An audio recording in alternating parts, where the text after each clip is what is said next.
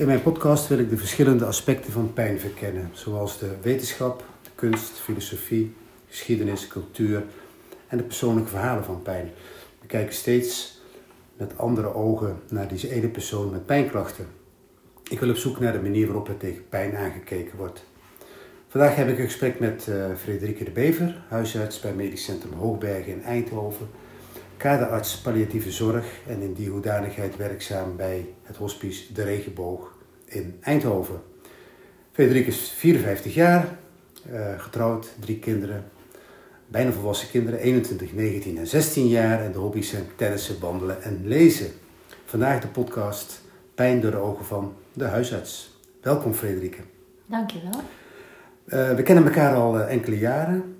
Uh, jarenlange ervaring in het stadsdeel Gestel in Eindhoven. Vanaf wanneer ben je werkzaam als huisarts? Ik ben al twintig jaar huisarts. Ja. En daarvan het eerste gedeelte was ik in, in loondienst. Daar heb ik op heel veel praktijken waargenomen. En daarna heb ik een, een praktijk overgenomen.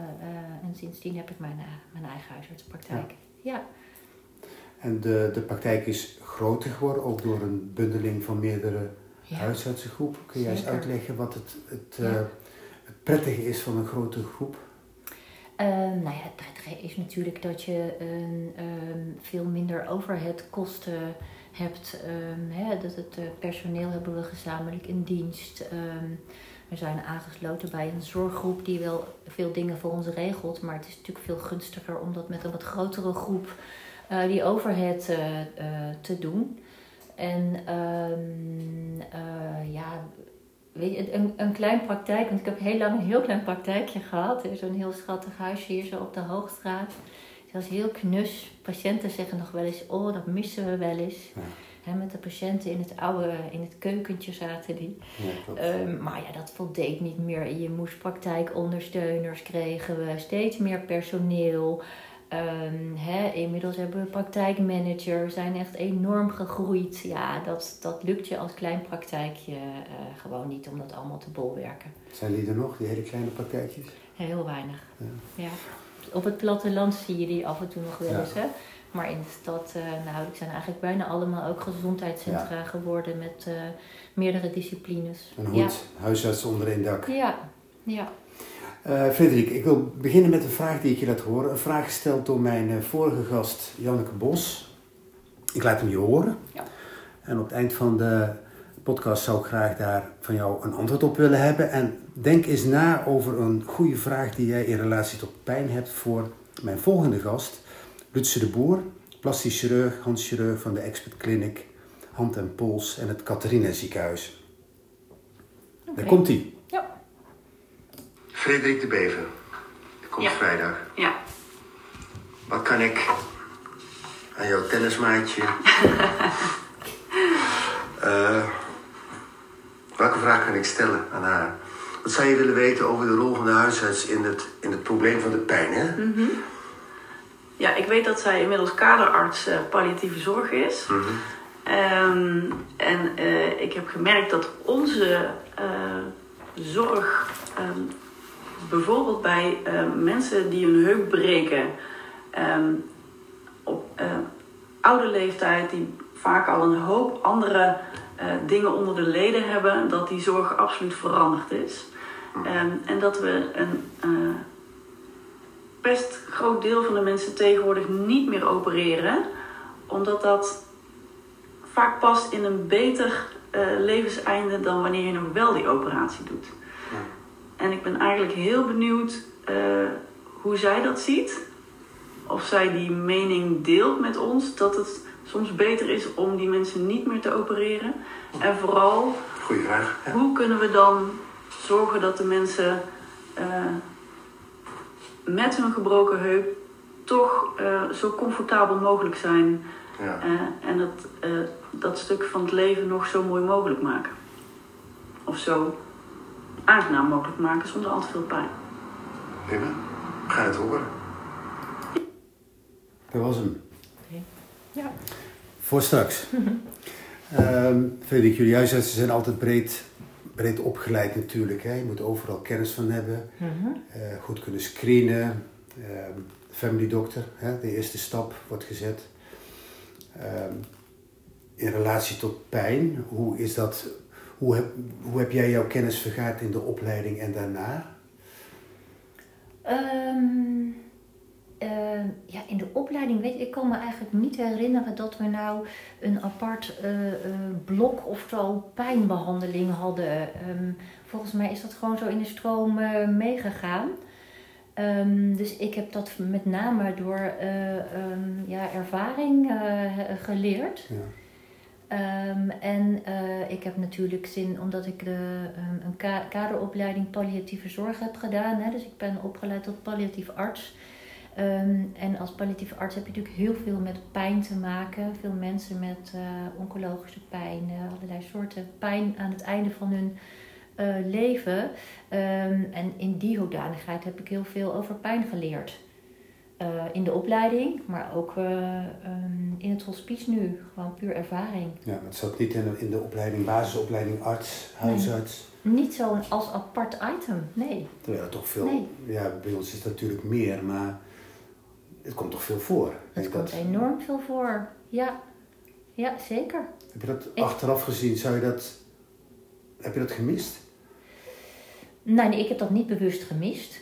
Ehm, maar ik denk wel heel goed eh, dat het eh, heel goed is als eh, zeg maar de huidige generatie artsen in de opleiding daar echt goed onderwijs over krijgen. Ja. ja. ja zeker. Ja, want de, jong- de jonge artsen die denken daar iets anders over in jouw optiek of niet? Nou, ik denk dat we er met z'n allen nu wel meer aandacht voor hebben. Ehm, dus dat er, dat er gewoon een- ook een andere mentaliteit is, dat er meer aandacht is voor pijn. En ook voor mensen met chronische pijn. Dat begint wel, is het toch wel zo, eh, eh, zo door te dringen. Terwijl ik denk dat daar vroeger gewoon weinig aandacht voor was. Is, is En- dat ook veranderd eh, door de opleiding tot kaderarts? Ehm, nee, ik denk dat het ook in de huisartsgeneeskunde zo is. Dat daar gewoon echt wel meer, meer aandacht voor is. Ik, ik weet niet, ik, ik heb ook het idee dat ik het heel veel meer tegenkom. Hè? Terwijl je zou, Ja. kunnen, je zou denken van dat zou niet zo heel erg uit moeten maken. Maar ik denk dat mensen er toch ook wel ehm, eerder voor komen. Dat ze eh, meer hulp vragen dan vroeger. Zou een, eh, een praktijkondersteuner pijngeneeskunde een zinvolle aanvulling zijn bij jullie? Nou, dat is een goede vraag. Ehm, Mensen komen Ja. bij ons met een, mhm. met een hulpvraag, eh, pijn of een functieprobleem, of beide. Ja, Dus bij ons is dat, eh, ja, dat is mainstream. Dat, dat Ja. gaat de hele dag door. Ja. Ik kan me voorstellen, als ik zie de patiënten die wij krijgen van huisartsen en specialisten, ja, dat is ook maar een select gezelschap natuurlijk, maar altijd pijn, pijn, pijn. ja, ja. Ik zou je niet laagdrempeliger in kunnen schalen door een praktijkondersteuner Nou. daarop te kunnen zetten. Wat denk ik daarin het lastig is, zeker als mensen daar voor het eerst komen met pijnklachten, dat je natuurlijk eerst wil kijken van welke diagnose zit erachter. Wat is de oorzaak van eh, die klacht? Hè, dus ehm, dat moet je denk ik toch echt als, als arts doen. Ja. Hè, dus je moet gaan kijken van waar komt die pijn vandaan? Eh, is er een alarmsymptoom? Moeten we er nu iets mee? Ehm, eh, of is het toch meer chronische pijn? Eh, maar op een gegeven moment zou je natuurlijk wel eh, kunnen bedenken mensen met van die chronische pijnklachten, waarvan je echt somatisch, eh, ehm, hè, puur somatisch niet zoveel meer kan doen, Ja. dat je die verder laat begeleiden door, door iemand anders. Maar dan kan ik ze ook naar jou verwijzen, Luc. Dat kan ook. Zeker, altijd welkom natuurlijk, maar Dat doen we ook. ik kan, me- ik kan me voorstellen, jazeker, ja, ook wel voor dank. Maar, maar ook, ik kan me voorstellen dat een goed gesprek over langdurige pijnklachten bij een praktijkondersteuner ook Ja. nog zinvol zou kunnen Ja. zijn om... Ja. Kijk, wij willen allemaal, wij willen niet dat dat explodeert en dat je mensen allemaal naar de tweede lijn ziet gaan. hè. Nee, tuurlijk Dat niet. is niet te Het is betalen. ook niet te doen. Ehm, Ja. als je, wij merken nu als wij goede pijneducatie geven in een vroeg stadium, Ja. dat, eh, dat dat al heel veel zorg wegneemt, dat er begrip is voor de klachten, Ja. Eh, dat ze beter gaan slapen, dat er, Mhm. fijn, dan wikkelt dat hele ja. probleem zich ook een beetje af, hè, Ja. natuurlijk. Maar wat ik wel merk, Luc, is dat, dat daar, daar gaat een heel traject aan vooraf. Hè? Voordat mensen, ehm, eh, zeg maar, als ik ze naar jou stuur, dan hebben ze al een heel traject achter de rug. En heel veel mensen willen natuurlijk weten, ja, ik heb pijn. Dat komt dus ergens vandaan. Ja. Dokter, wat is de oorzaak? Ik wil een scan of hè, ik wil Ja. nader onderzoek. Ehm, hè, dus dat is vaak toch echt al wel eh, ehm, eh, veel aandacht aan besteed en naar gekeken. En eh, ik denk ook dat het heel belangrijk is dat voordat mensen openstaan voor pijneducatie hè, of voor jullie begeleiding, ehm, dat ze daar klaar voor zijn. Ja. Dus dat ze niet meer in, dat, in de modus zitten van ik moet genezen, er is, er is iets met mij aan de hand op somatisch gebied en op lichamelijk gebied. Ja. Daar moet iets aan gebeuren. En daar, hè, dus ze moeten daar echt aan toe zijn om, ehm, om op zo'n andere manier naar pijn te gaan kijken. Ja. Ja. Ben je gauw geneigd om met medicatie te werken? Ehm, nou, ligt er heel erg aan wat voor soort klachten is. Maar mensen met chronische pijn wil je dan natuurlijk eigenlijk het liefst voorkomen. Dat dat vaak helemaal niet zinvol is. Maar wij hebben natuurlijk best ook wel wat mensen die toch eh, eh, echt wel verslaafd zijn aan oxycodon. En zo moeilijk om die mensen daar af te krijgen. Ja. Dus we moeten, wil vooral voorkomen dat mensen in zo'n situatie komen. ja. En eh, ja, heb, heb jij veel ervaring met mensen met eh ehm, eh, heel langdurig opiaatgebruik? Dat zal toch ook wel? Wat, wat van de pijnpolies kwam. Dat had heel vaak eh, eh, forse medicatie. Dan Ja. praat je over antiepileptica, antidepressiva. Ja, Ehm, dat wordt minder. Ik denk Ja. dat we elkaar daar ook wel een beetje in opvoeden. Ja.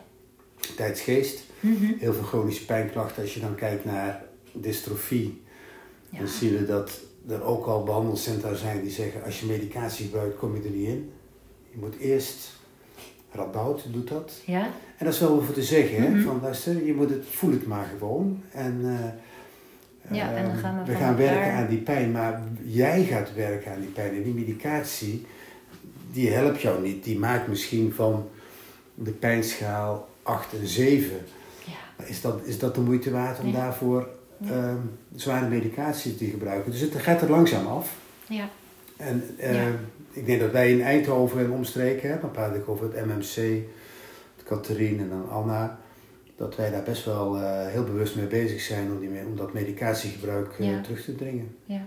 Geen Amerikaanse Ja. tafereelen. Nee. Nee, precies. Nee. Maar Ik goed, heb net naar de Painkiller ja, zitten kijken. ja, dat, is, Ja. dat is enorm. Dat is een aanrader. Hè. Ja, Misschien Ja. dat ik die, eh, die, die link in de show notes zet, dan eh, dat mensen hem kunnen bekijken. Want dat is echt wel een behoorlijk eh, heftige. Ja, het is even voor het is een, een serie op Netflix over het gebruik van oxycodon. Ja. Ja, Ja. Ja. En wat, wat ik trouwens nog even wilde aanvullen ehm, over pijnmedicatie. In het hospice gebruiken wij die natuurlijk wel heel erg veel. ja. In de palliatieve en terminale fase. Maar goed, dan maken we ons niet meer zo'n zorgen over verslaving en, Nee, eh, en dat nee, soort dat dingen. En het is natuurlijk Ja. echt vaak ook eh, pijn met, met echt een, eh, een heel duidelijk somatisch, somatische oorzaak. Hè? Ja. Ja, dus dat is wel een ander, een hele andere groep eh, mensen. Daar kom, ik, Ja. daar kom ik straks heel graag even op terug. ja. We hebben in Nederland eh, meer dan 2 miljoen volwassenen met chronische pijnklachten. Meer dan 20 miljard euro wordt daar eh, per jaar aan besteed. Het gaat even niet om de kosten, maar ik heb het al in een eerdere podcast over gehad dat het dat aantal is stijgende. Die hebben, mensen hebben allemaal een huisarts. Ja, Je weet misschien waar ik naartoe wil. Die komen allemaal eh, in de wachtkamer. mhm. Hoe, hoe, hoe gaat dat? Ik bedoel, ik weet dat jullie nu al eh, het, het ongelooflijk druk hebben. ja, ja. En dit zijn natuurlijk de mensen die, die veel tijd nodig hebben. Ja. Ja, En, en Ja. eh, die, die scheep Ja. je ook niet zo heel makkelijk af met een, met een paar minuutjes tijd. Die heb je Nee. ook meer tijd. Hoe, Ja, hoe- zeker. Hoe, praten jullie daarover? Ja. Hoe ga je Ja. daarmee om? Nou ja, ja, ik denk dat dat ook heel erg verschillend is. Eh, ehm, heb jij het over mensen met chronische pijn nu? Ja. Ja, ja, ja, daar moet je echt heel veel tijd voor nemen. En, en net wat ik zeg, hè, in welk stadium bevinden ze zich, zit, zij zich? Hebben zij ehm, al allerlei onderzoeken achter de rug? En is dat allemaal al gepasseerd? En zijn ze eraan toe om eens op een andere manier te gaan kijken hoe, hoe ze geholpen kunnen worden? Of zitten ze nog midden in het proces van er moet een reden gevonden worden? Ja. Dus dat moet je eerst aftasten van waar, waar zit die patiënt in dat, eh, in dat proces.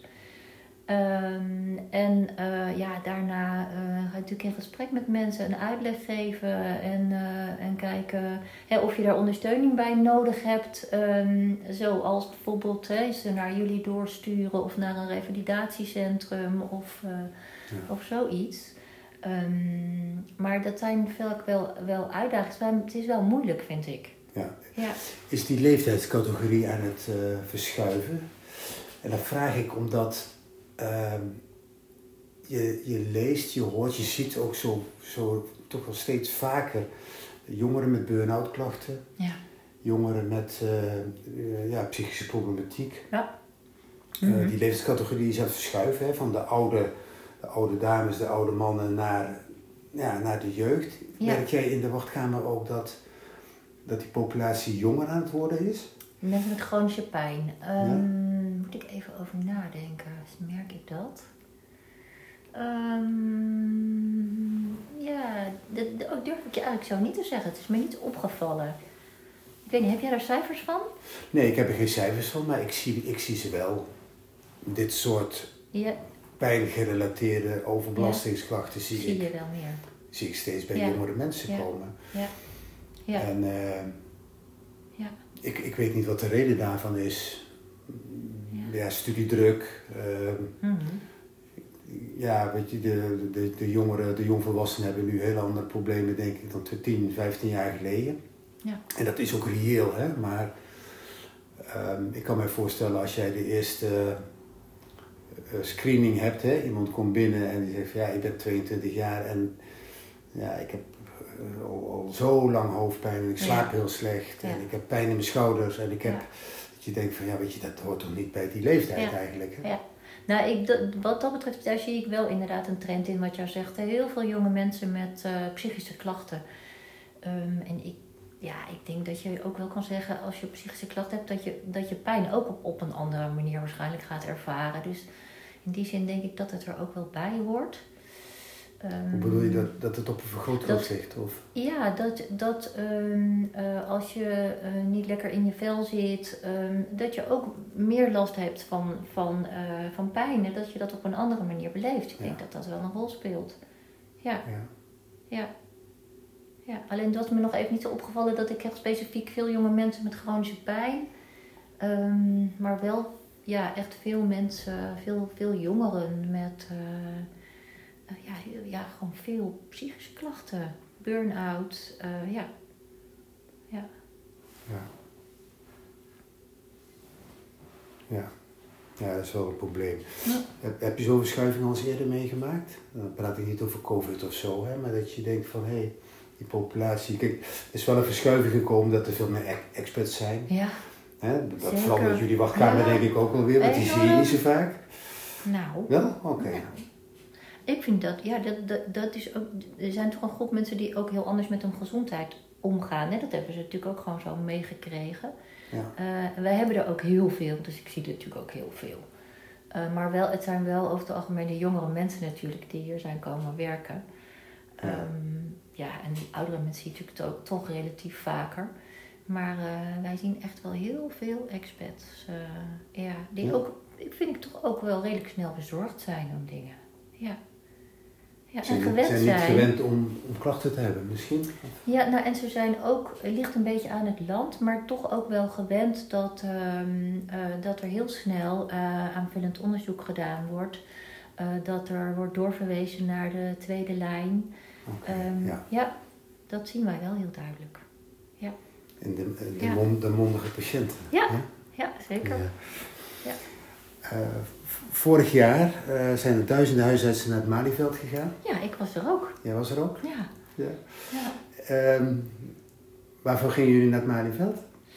Ja, om toch. wel, eh, Ja, nee, de- precies. Ja, om toch, om toch echt meer voor onze belangen op, op te komen. Hè. Er, is, er is toch echt een. eh, Ehm, een, een tekort aan huisartsen, hè, dat, dat is een toenemend tekort. Eh, nou ja, er zijn hier ook huisartsenpraktijken. Het is geloof ik nu wel weer enigszins opgelost, maar er was een praktijk waar gewoon geen dokter meer was. Dat zie je natuurlijk in bepaalde gebieden in Nederland wel vaker nu. Um, terwijl er wel een enorme um, vloed aan, aan zorg op ons afkomt heel veel dingen die terug moeten van de tweede naar de eerste lijn. Ehm, dat je denkt, ja, hoe gaan wij dat allemaal doen? En uh, uh, ja, daar wilden wij toch wel graag aandacht voor vragen. Ja. ja. Heeft iets opgeleverd? Ja, nou, eh, de minister kwam dus niet opdagen. Hè? Dat vonden wij wel een beetje jammer. Hm. Hm. Um, ja, dat, dat was wel een domper. Eh, want dan voel je je natuurlijk niet erkend. Dus sta je daar met z'n allen. en toen verliep zijn vergadering uit, of weet ik veel wat het was. Maar dat was echt wel. Uh, ja. Dat was niet, uh, niet oké. Okay. waren met veel, hè? we waren met veel. Ik weet niet precies hoeveel. Ja, meer dan duizenden was ja, het in het artikel. Ja, dus. ja. Ja. Dus ik, ja, ik kan eigenlijk niet goed zeggen of dat nou geholpen heeft. Weet ik niet. Nee. Bestaat, bestaat het vak huisarts in deze hoedanigheid over, over tien jaar ook nog zo? Of zie je daar ja, loopt nou, al wat langer mee, dus ja. hebt de verschuiving gezien. Ja. Kijk, we worden nu natuurlijk steeds meer een, een coach hè, voor mensen dan, dan een dokter. Dus meer zo van, goh, uh, wat zal ik doen? En, en meer een overleg met de patiënt, wat prima is. Hè.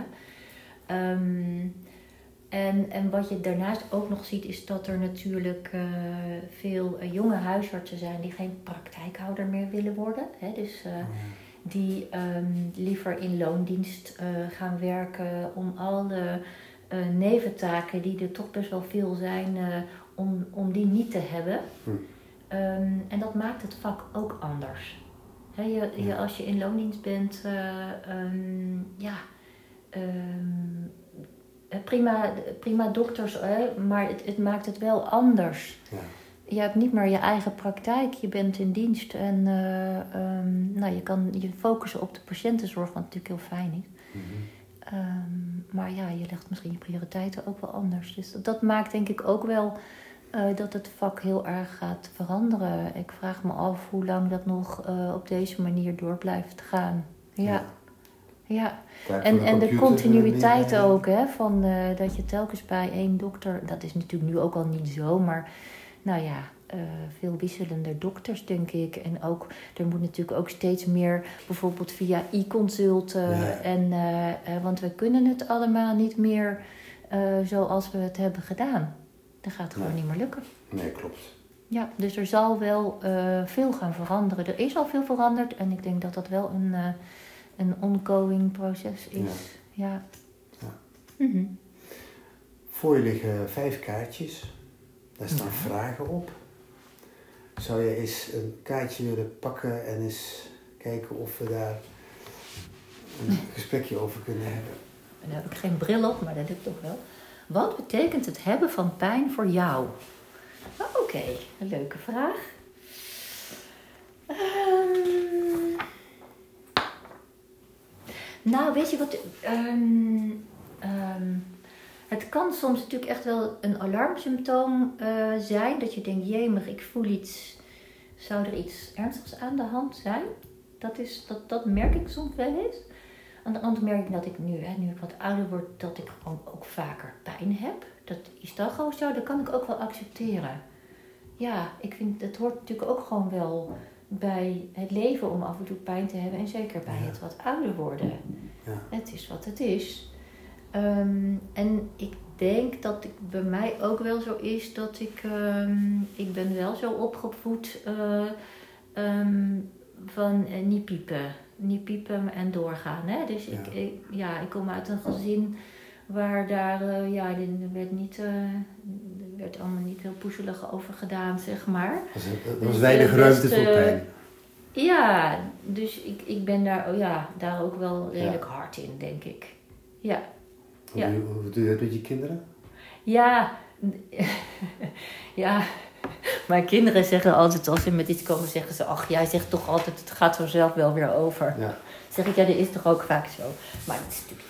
Dus dan, dan moet ik, ik probeer daar wel een beetje op te letten dat ik er wel aandacht voor heb als ze ergens mee komen. Hè? Dat ik wel gewoon goed luister en, en, uh, en, de, en daar aandacht voor heb. En, en ook wel actie ondernemen als ik denk dat er echt wel iets aan de hand is. Ja, ja dus daar probeer ik wel echt bewust van te zijn. Ja. Dat is belangrijk. Ja. Ja. ja. Hoe doe jij dat met je kinderen? Ja, precies hetzelfde. Ja. Ik kom uit de 60 jaren en mijn ouders, ja, zeker mijn vader, die uh, als wij pijn hadden, dan doen niet zo flauw. Ja. En als, ik, uh, als ik een hockeybal tegen mijn eh, knie aan had gehad en die was de grootte van een maatje 5 voetbal, dan doen niet zo flauw. Ik zeg, ja, dat kan, ik heb daar niet om gevraagd. En het, ik zeur ook niet, maar hij is gewoon dikpap. Uh, ja. ja, nou, niet flauw joh. Ja. Die is opgegroeid in de dertig jaren, met zes broers. Ja. Ja. Uh, verklaart veel, hè? Zeker, uh, ja. En niet overal aandacht aan. Nee, nee, nee, Dat, dat, was een heel andere tijd. Ja. En wij proberen daar wel een modus in te vinden, hoor. Want ik vind, um, zoals je altijd leert van je ouders, leer je ook de dingen die je anders zou willen doen. Dus wij, wij willen daar toch wel een beetje wat genuanceerder ja. mee omgaan. Ja, precies. Het mag er zijn, hè? Ja. ja. We moeten niet lang over doormiepen, maar het mag er zijn ook gewoon. Ja, en nog, en nog even, wat zit ik nu te denken, een aanvulling op van mijn antwoord van als het om mij betreft. Ik denk dat het ook heel erg helpt als je een pijn kan verklaren. Ja. dus je weet, ja, ik stoot mijn been en ik heb pijn. Ja, nou ja, dat is toch zo, hè? Ja. Maar als je een soort pijn hebt waarvan je denkt, oh, wat, wat is dat? Uh, dan, dan zou ik er wel gerust over uh, kunnen zijn. Uh, ja. Dus dat snap ik van patiënten ook vaak wel. Absoluut. He, dat ze uh, denken, jeetje, waar komt dat dan vandaan? Wat, wat gebeurt er? Ja. Wij, wij, wij zien dat wel eens in de praktijk, dat iemand met een uh, uh, die, die uitstaande pijn in de linkerarm, pijn ja. op de borst. Ja. En als je dan via de huisarts komen ze hier en blijkt dat toch een ribblokkering te zijn. Als je dat goed kunt uitleggen bij mensen, ja. zonder dat je iets gedaan hebt, dan is het probleem eigenlijk al, uh, de onrust is weg. Ja. Uh, de ademhaling wordt normaal, ze snappen het. En dan kom je er met een, met een blokkering opheffen, kom je er wel doorheen. Mm-hmm. Of soms is het ook gewoon wat oefentherapie. Ja. Dus ze komen ja. binnen met het idee van, uh, volgens mij ben ik aan mijn laatste dag bezig. Ja, ja dat kan uh, uitleg en geruststelling Precies. al heel veel doen, hè? Ja. Over laatste dagen gesproken. Mm-hmm. Um, Jeroen was kaderarts, palliatieve zorg. Als ik daarover nadenk, kijk, mm-hmm. bij ons komen mensen met hulpvraag. Um, ik wil graag een halve marathon lopen. Ik heb pijn na 10 kilometer. Of ik krijg kramp na 10 kilometer. Um, ik slaap niet lekker. Ik heb een ander matras gekocht, maar ik blijf maar pijn in mijn rug houden. Ja. Dus dat is een hele gerichte, somatische, vaak somatische uh, hulpvraag. Pijn, functie. Uh, wij proberen die hulpvraag heel goed boven tafel te krijgen, omdat dat belangrijk is voor het vervolg van het traject. In een hospice ik probeer me dat voor te stellen. Hè? Dan denk ja. van, als je aan je vragen van, ja, kun jij mij, ik heb, ik heb nog twee, drie weken te leven. Ja. Kun jij mij helpen mm -hmm. om mijn laatste weken zo draagbaar, zo comfortabel mogelijk in te vullen? Ja. Hoe is dat dan? Want, ik bedoel, om een bekend voetbaltrainer te citeren, het is different cook. Hè? ja. Ja. Dat is wel even een heel andere zorgvraag. Ja. Hulpvraag. Ja. Hoe ga je daar, kan je daar zo over vertellen? Ja, ja, dat zijn natuurlijk inderdaad uh, de dingen waar wij ons mee bezighouden als mensen in het hospice komen. Um, hè, die hebben over het algemeen een, een, korte levensverwachting. Soms moeilijk in te schatten trouwens, hè, maar eigenlijk moet je levensverwachting korter dan drie maanden zijn voordat je in het hospice ja. mag komen. Nou, dat is best lastig. Maar um, ja, het, het, het, inderdaad, de intentie is, is om naar iemand te gaan kijken. Um, uh, in een hele brede zin. Hè, naar zijn lichaam, zijn psyche. Uh, op spiritueel gebied, uh, sociaal gebied. Van nou, hoe kunnen wij, wat, waar heb je last van? wat speelt er? Wat kunnen we daarmee doen? Um, en inderdaad is dan het idee van we proberen het gaat er niet om om iemand beter te maken, uiteraard. Het gaat er ook niet om om het leven te rekken. Dat is natuurlijk helemaal niet het idee. Maar het gaat erom hoe maak je die laatste tijd eh, die zo iemand heeft eh, nog zo aangenaam mogelijk. Hè, dus dan kijk je op die verschillende dimensies. Eh, proberen pijn en ongemak en benauwdheid te bestrijden. Heel veel met medicatie natuurlijk ook. Hè? Ja. Maar we hebben bijvoorbeeld ook een geestelijk verzorger die, eh, die eens met mensen gaat hebben over eh, bepaalde levensvragen. Ja. Ehm, ja, we proberen de familie erbij te betrekken en te kijken van goh, wat zou zo iemand nou nog eens kunnen doen om eh, zijn leven wat zin te geven. Of hè, die laatste tijd zijn er nog eh, losse eindjes, hè? zo van spelen er nog dingen met mensen waar je nog een keer contact mee wil leggen, Ja, dat ja. soort dingen. En dat vind ik juist zo mooi om, om daar ook eh, aandacht eh, voor te hebben. Ja, Sterven is niet toebehoren aan, aan oude mensen alleen. Hè? Dus je, je hebt vaak een heel... ja, Ik kan me voorstellen dat er ook wel eens een keer een heel jong gezin bij zit. En jonge broertjes en zusjes. Hè? Hoe, hoe- Ja. ja, we hebben in dat hospice, het zijn wel voornamelijk oude mensen hoor. Ik, eh, de, de- ja, we hebben een aantal mensen zo in de 40 gehad. Ik, ik werk daar nu een jaar. Eh, maar hele jonge mensen hebben we daar eh, nog niet gehad. Of ik niet. Ehm, en dat, want dat is wel. ehm, oh, dat lijkt me veel, veel moeilijker, vind ik dat. Sorry? Veel moeilijker, jonge Ja. mensen. Ja, dat is... Dat is echt veel moeilijker om te zien. Ja. Ja. Ja. Kun, je dat, kun je dat daar laten? Ja, wel, inmiddels wel.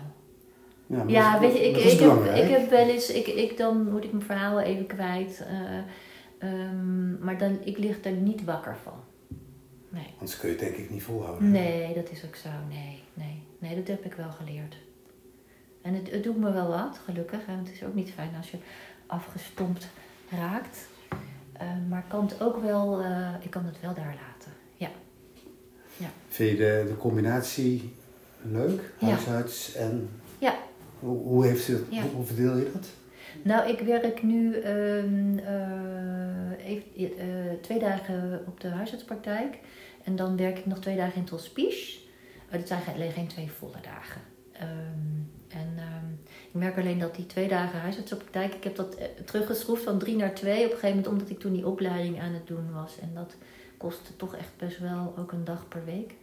Eh, maar ik heb het niet weer teruggezet. Want ik vond het wel even lekker zo. Ja, Eh, maar twee dagen in huisartspraktijk is net wat weinig voor de continuïteit. Dat merk ik wel. ja. Dus daar moet ik nog even over nadenken hoe ik daarmee verder Er is ga. nog, eh, Ja, moet er even over gebrainstormd worden.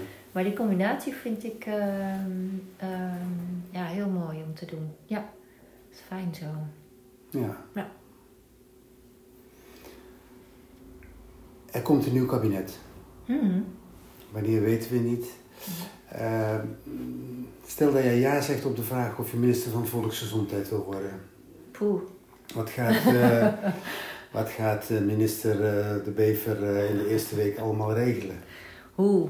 Nou, heb je even? Ja, nou ja, we, Ja. we hebben tijd. Als het goede plannen zijn. Nee, ja, dat is natuurlijk altijd. We hebben, je, je hebt natuurlijk daar wel altijd ideeën over dingen die anders moeten. Maar hoe dan? Hè? Dat is natuurlijk altijd vraag 2. Maar eh, ja. Moet het over pijn gaan? Nee, toch? Ja, Of ja eigenlijk wel. Oh. Ja, weet je, het Oh. gaat niet... Mm. We hebben allemaal in de zorg, iedereen loopt Ja. tegen administratieve romslomp aan. Ja, Iedereen loopt tegen de druk aan. Nou, Ja. dat bedoel ik eigenlijk niet. Ja. Maar meer, welke routes kunnen we anders ja, inrichten? Hoe Ja. kunnen we beter omgaan met, de, met die enorme pot aan, aan geld die er is? ja, ja. Nou, ik denk dat ehm, eh, waar ik nu wel, wat ik nu wel merk, hè, dat is natuurlijk een maatschappelijke ontwikkeling, dat ehm, ehm, zeg maar mensen hebben, eh, eh, vragen laagdrempeliger hulp. Hè, mensen kunnen minder goed accepteren dat ze bepaalde klachten hebben, ook pijnklachten. En dat mensen ja, heel graag heel lang doorgaan ook met zoeken naar hulp. Ehm, en dat er, maar ook bijvoorbeeld dat er in het ziekenhuis heel lang doorgegaan wordt met, met behandelingen voor mensen met kanker, met, met eh, chemotherapie Ja. en, en andere therapieën. Ehm, eh, waarvan je denkt, jeetje, eh, ik denk dat dat niet houdbaar is. Dus wat, en vraag me niet precies hoe, want dat is echt een lastige, maar ja, ja je zou eigenlijk een soort ehm, bewustwording willen ehm, willen gaan ontwikkelen bij mensen van goh, niet, het leven is niet zo maakbaar. Soms hè, dan, dan is het wat het is eh, en kan je niet heel veel meer. Uh, houd het een keertje op met zorg en ehm, wat we allemaal kunnen bieden. we kunnen zo niet doorgaan in de zorg. Het is geworden. Ja, en, en de poppetjes zijn er niet, hè? Nee. Op heel veel plekken. Ja, dus dat is uh, wel iets waar, uh, waar ik dan denk, oeh, hoe gaan we dat allemaal, allemaal oplossen? Uh, maar het zou denk ik ook heel veel schelen als er een soort bewustwording, als er meer bewustwording bij mensen, maar dat, dat niet alles meer mogelijk is. En ja, hoe je dat dan moet gaan doen is natuurlijk vraag 2. moet je op scholen al gaan kijken van hè, um, onderwijs daarover geven? wat, is, wat, wat is nog normaal om te accepteren? Ja, best ingewikkeld ook hoor, denk ik. Ja. Ehm, ja, dat is een van de dingen waar ik. Uh, Eén van de, Een van de dingen. Ja, maar je weet, uh, het gaat namelijk niet over pijn, maar de hele geestelijke gezondheidszorg. Uh, is, het is echt, ja, nou, ik vind het echt redelijk dramatisch hoe dat nu loopt. Ja. ja. Is er niet een enorme rol weggelegd die we missen nu voor preventie? Ja. Educatie. Educatie. Niet pijneducatie, maar. Ja, maar. Ehm, leg mensen eens uit waarom, waarom dingen pijn kunnen gaan doen. Ja. Ja. Eh, wij merken het nu aan het. Uh, we hebben een Cool to be Fit programma. Ja. Uh, nou, het zegt het al. Ben, zorg dat je fit wordt. Uh, jeugdige, 10, 11, 12 jaar. 4, 5 kilo te zwaar. Ja. Slechte conditie. Ja. Ja. ga je praten met de ouders dan blijkt dat. Uh, en en ik, ik, vind het, ik schrok ervan toen ik het voor de eerste keer meemaakte, maar het is eigenlijk heel normaal dat, je, dat ouders denken dat als je uh, je kind ochtends een beetje uh, Red Bull geeft en een donut, ja. dat je ze goed ontbijt hebt gegeven. Ja. ja. Daar kunnen wij van alles van vinden. Maar die doen het niet om een kind te pesten. Nee, natuurlijk Dus die hebben dat niet die hebben dat, die, die voorlichting niet gehad. Dan kun je zeggen van ja, weet je, dat had je kunnen weten. Dat is ook zo. Maar ik denk dat wij heel veel dingen ook gewoon uh, veel meer moeten effecteren. Moeten mm -hmm. de, de, de, bevolking meer uitleg geven over hoe dingen werken. En als jij je, je kokosnoot stoot aan een keukenkastje, dat je daar waarschijnlijk niet van naar de dokter hoeft te gaan. Maar dat dat gewoon even tijd heeft. Hè? En ik denk dat als je dat, uh, ja, volgens mij is dat wel even een investering waard. Dat, dat lijkt mij ook. Ja. Dat we op den duur dat we daar ook wat minder, uh, ja. Ja, minder kosten moeten gaan maken in de zorg. Ja. Dus dat is, ja, dat, ja, ben ik het dus helemaal mee eens. Ja. Ik weet dat in Australië heeft uh, Mosley, uh, fysiotherapeut, wetenschapper. Mhm. Hij is geen fysiotherapeut meer, hij heeft een heel onderzoeksteam. Hij is heel erg bezig met pijn te, te definiëren en te, ja, uit elkaar te halen waar het vandaan komt. Kleuren kunnen pijn geven, geuren kunnen pijn geven. Ja. Ehm, die krijgt vanuit het ministerie in Australië krijgt die tientallen miljoenen dollars om pijneducatie in dat land te strooien. En daar komen stripboekjes ja. hoe je met, met bepaalde ongemakken om kunt gaan voor, de, voor de jeugd, voor de, de kleuters. Voor de, Ja. Oké, dat, Maar dat vind ik heel interessant. Paracetamol is de oplossing niet Nee. dan, op dat moment. Mhm. Maar zorg dat kinderen op een gegeven moment ook weerbaarder worden. Ja. Nou, dat is een groot land, dat is een werelddeel. Ja. En op het moment dat jij eh, daar eh, de mensen minder medicatie laat gebruiken, dat, dat, dat levert miljarden op per jaar. Het is ook nog heel duurzaam. Ben ik ook wel van. Nou ja, en als jij de minister bent, dan neem dit mee, Ja, deze, deze ja, tip. Dat, ja, eh, nee, helemaal eh, mee En ik wil even nog even vragen dan, is er, is er ook een, nu, is, helpt het? ja, het helpt. Is dat onderzocht? Zeker, ja. Ze hebben stripboeken, ze hebben eh, filmpjes, kleine stripanimaties. Ja, En het, ja, het helpt, want komen, de pot is al twee keer groter geworden. Ik, de getallen weet ik niet. Maar, nee. Ja, ehm, ja, hij schrijft ook gewoon ehm, Explain Pain. Dat is het boek voor Begrijp de Pijn. ja, Dat is, daar is ook een kinderuitvoering van. En dat is gewoon een stripboekje. ja, En Ja. dan denk ik van, ja, weet je, Ja. dat, is, dat is het begin, hè. Je kunt beter Ja. goed opvoeden. In plaats van dat je later eh, ja, dingen dus voorkomen. de scherven moet gaan eh, bij elkaar harken. Mhm. Ja. Frederik, wij komen bij de vraag van Janneke. Ja. Weet je nog? Ja. Ehm, Ik zal hem even voor de podcast Oh ja. eventjes herhalen. De zorg voor mensen die, die een heup breken op oude leeftijd, bij eh, diverse andere aandoeningen, is in een ziekenhuis veranderd en wordt vaak een groot deel van die mensen niet meer geopereerd. Omdat het vaak past in een beter levenseinde dan wanneer je die operatie wel doet. Hoe zie jij dat? En hoe kunnen we dan zorgen dat die mensen met een gebroken heup dan toch comfortabel dat laatste stuk van hun leven zo aangenaam mogelijk kunnen maken zonder al te veel pijn? Ja. Ja, nou ik denk zeker dat dat, eh, een, eh, dat dat een prima manier kan zijn om zo iemand niet te opereren. En dat hoef ik Janneke natuurlijk niet te vertellen. Maar er zijn natuurlijk ook nu eh, zenuwblokkades mogelijk hè, bij mensen met een gebroken heup. om die pijn te verminderen. Ehm, want dat is natuurlijk wel heel belangrijk. Dat doet gewoon knetterveel pijn als je je heup Ja. eh, eh, breekt en als je dan gaat bewegen. Ehm, dus, ehm, en nu, wij hadden in het hospice laatst ook iemand die eh, was gevallen, heup gebroken. En die heeft niet zo'n zo'n pijnblokkade gehad hoor. Want dan moet je natuurlijk toch ook wel weer naar het ziekenhuis toe. Hè? Dus dat is ook wel weer een ding. Maar ja, die hebben we toch echt met, met veel pijnstillers behandeld. En ehm, ja, in die palliatieve zorg nogmaals is dat ook niet een... Is dat natuurlijk ook prima. Ehm, eh, maar dat is uiteindelijk ook eigenlijk heel goed gegaan. Ehm, alleen ja, het, het is natuurlijk nog veel mooier als het wel mogelijk is om mensen zo'n pijnblokkade te geven. Eh, omdat je natuurlijk daar mm, veel minder bijwerkingen van heeft dan al die pillen die je moet slikken. Dus dat is, ik denk dat dat een hele mooie ontwikkeling is. En ik denk dat je er ook met, door mensen eh, niet te opereren, ook een hele hoop ellende kan voorkomen. Oude mensen met, eh, hè, die met een delier, ehm, een delier in het ziekenhuis liggen. Wat natuurlijk nogal eens gebeurt. Daar worden ze ook niet beter van. Nee. Dus ik, ik denk dat dat een prima ontwikkeling is. Eh, alleen je moet natuurlijk wel heel goed zorgen dat, dat de pijn onder controle is. Ja. Dankjewel. ja. Volgende week is eh Lutse de Boer mijn gast. Wat zou jij in relatie tot pijn, hè? Ja. Van de plasticeur, danseur, Ja. Ja, wel, ja. willen weten? Wat, wat voor vraag heb jij voor hem? Ja.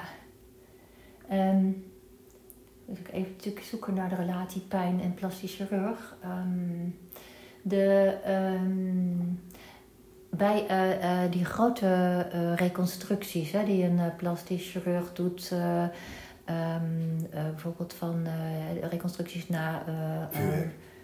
ook, maar ook na borstkanker, operaties natuurlijk van die hele grote correcties. Ja. Ehm, en wat ik nog wel eens een keertje zie is. eh, ehm, nee, ik moet het anders zeggen.